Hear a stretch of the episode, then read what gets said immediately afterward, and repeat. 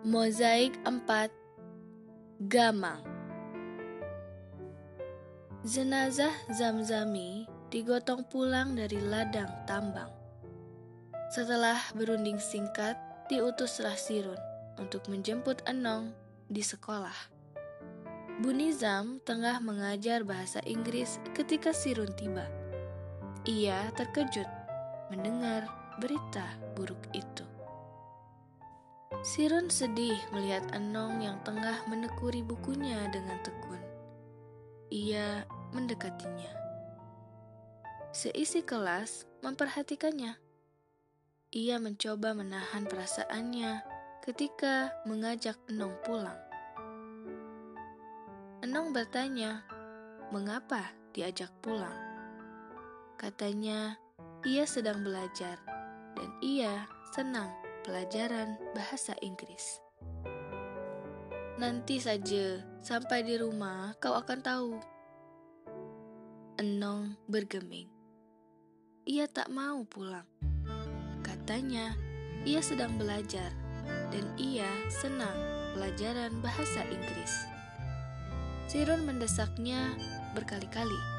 Ia beranggapan tak baik mengabarkan petaka yang menimpa keluarga anak kecil itu di depan teman-temannya.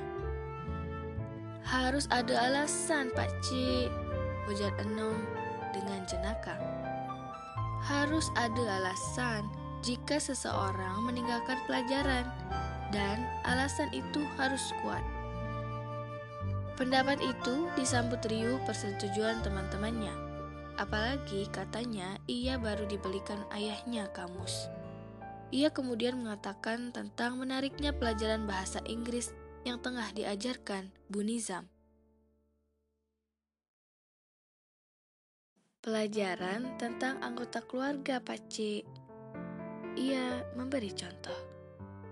Mother artinya ibu. Father, ayah. Daughter, anak perempuan. Son, anak laki-laki. Kawan-kawannya tertawa melihatnya menjelaskan pelajaran bahasa Inggris pada seorang kulit tambang. Bunizam tersenyum getir melihat semangat Enong dan mendengarkan pengucapannya yang kaku. Sirun membujuknya lagi. Enong tetap tak mau. Ia bersikeras meminta alasan. Sirun tak punya pilihan lain. Kau harus pulang, Nong, ayahmu meninggal. Enong yang sedang ingin mengucapkan sesuatu tersentak. Seisi kelas diam, senyap. Wajah Enong pucat. Ia menatap Sirun. Iya, Nong. Pukul tiga tadi, mata Enong mendadak merah. Paci pasti salah. Aku baru dibelikan ayah kamus bahasa Inggris. Sebentar lagi aku dijemput ayah. Suaranya bergetar-getar. Ia menatap Bunizam minta dibela.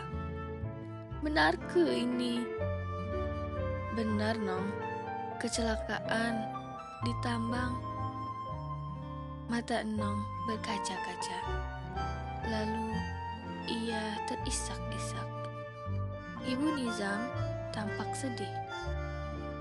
Pulanglah, Nong, katanya. Enong menangis. Air matanya berjatuhan di atas halaman kamusnya. Dari kejauhan, Anong melihat orang berduyun-duyun melayat dengan membawa rantang berisi beras. Di dalam rumah, jenazah ayahnya terbujur. Enong memeluk ibunya. Ia tak bisa lagi menangis. Usungan jenazah dipikul ke pemakaman. Di antara para pelayat menguar kabar tentang makin banyaknya tambang menelan korban. Timah terbaik yang mengalir di permukaan yang dangkal dan mudah ditambang telah dijarah Belanda selama ratusan tahun.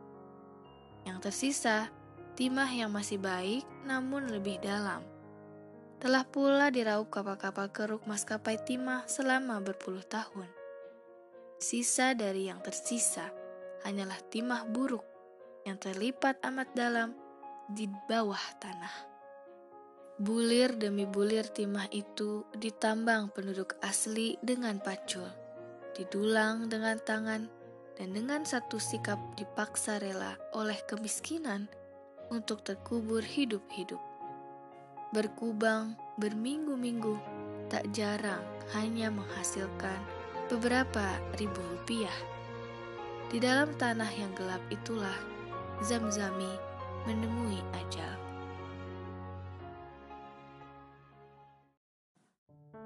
Pulang dari pemakaman, Enong heran melihat banyak orang memandanginya. Maghrib menjelang. Syalimah dan anak-anaknya mengantar pelayat terakhir ke pekarangan. Anak beranak itu memandangi jalanan kosong kerikil merah yang sekarang tampak seakan tak berujung. Mereka saling merapatkan diri demi mengumpul-ngumpulkan keberanian untuk menghadapi hidup setelah itu yang tak terbayangkan kerasnya. Subuh esoknya, Syalimah lekas-lekas bangun mendengar panggilan azan. Ia ke dapur dan menanggar air. Ketika meniup siong untuk menghidupkan kayu bakar, ia tersentak karena sebuah kesenyapan. Ia baru sadar. Untuk siapa ia menyeduh kopi? Ia bangkit dan beranjak menjauhi tungku, tanpa merasakan kakinya menginjak lantai. Suara suaminya mengaji Al-Quran saban subuh telah menemaninya menghidupkan api dapur selama berbelas tahun. Syalimah duduk termangu. Berkali-kali ia mengusap air matanya. Secara mendadak kehilangan tiang penopang keluarga Syalimah langsung limbung. Tak punya modal, tak punya keahlian dan tak ada keluarga lain dapat diminta bantuan karena semuanya miskin, membuat keluarga itu mati kutu. Tak pernah terpikir nasib seperti itu akan menimpa mereka secara sangat tiba-tiba. Sang suami adalah tulang punggung keluarga satu-satunya, dan hal itu baru disadari sepenuhnya setelah ia tiada.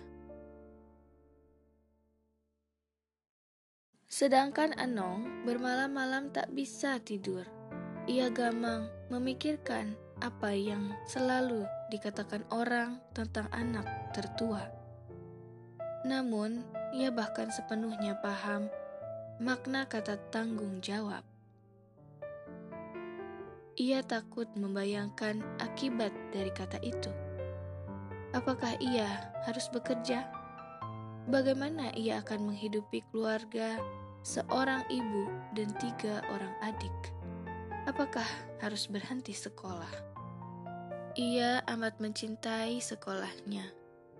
Ia bingung karena masih terlalu kecil untuk dibenturkan dengan perkara seberat itu. Sekarang ia paham mengapa waktu itu banyak pelayat memandanginya. Belum sebulan ditinggal suami, Syalimah telah kehabisan beras. Bahkan, beras yang diantar orang ketika melayat itu pun telah habis. Ia mulai meminjam beras dari tetangga demi menyambung hidup hari demi hari. Enong tahu beberapa anak perempuan tetangga sesama keluarga pendulang telah berangkat ke Tanjung Pandan untuk bekerja sebagai penjaga toko, tukang cuci di rumah orang kaya, atau buruh pabrik. Ia berusaha meyakinkan ibunya bahwa ia bisa bekerja seperti itu. Apa susahnya menjaga toko,